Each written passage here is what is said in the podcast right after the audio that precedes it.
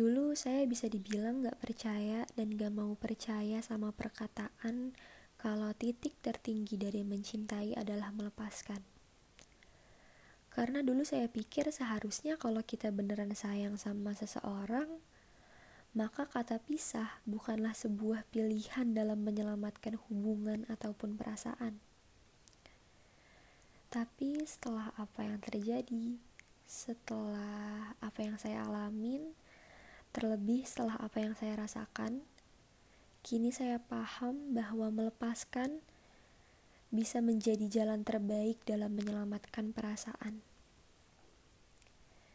Kini saya paham bahwa rasa sakit yang paling mendalam bukan ketika ditinggalkan, tapi ketika dua orang yang masih ada dalam satu perasaan masih sama-sama memiliki rasa sayang namun terpaksa saling melepaskan demi menyelamatkan satu sama lain dari rasa sakit yang terus berulang.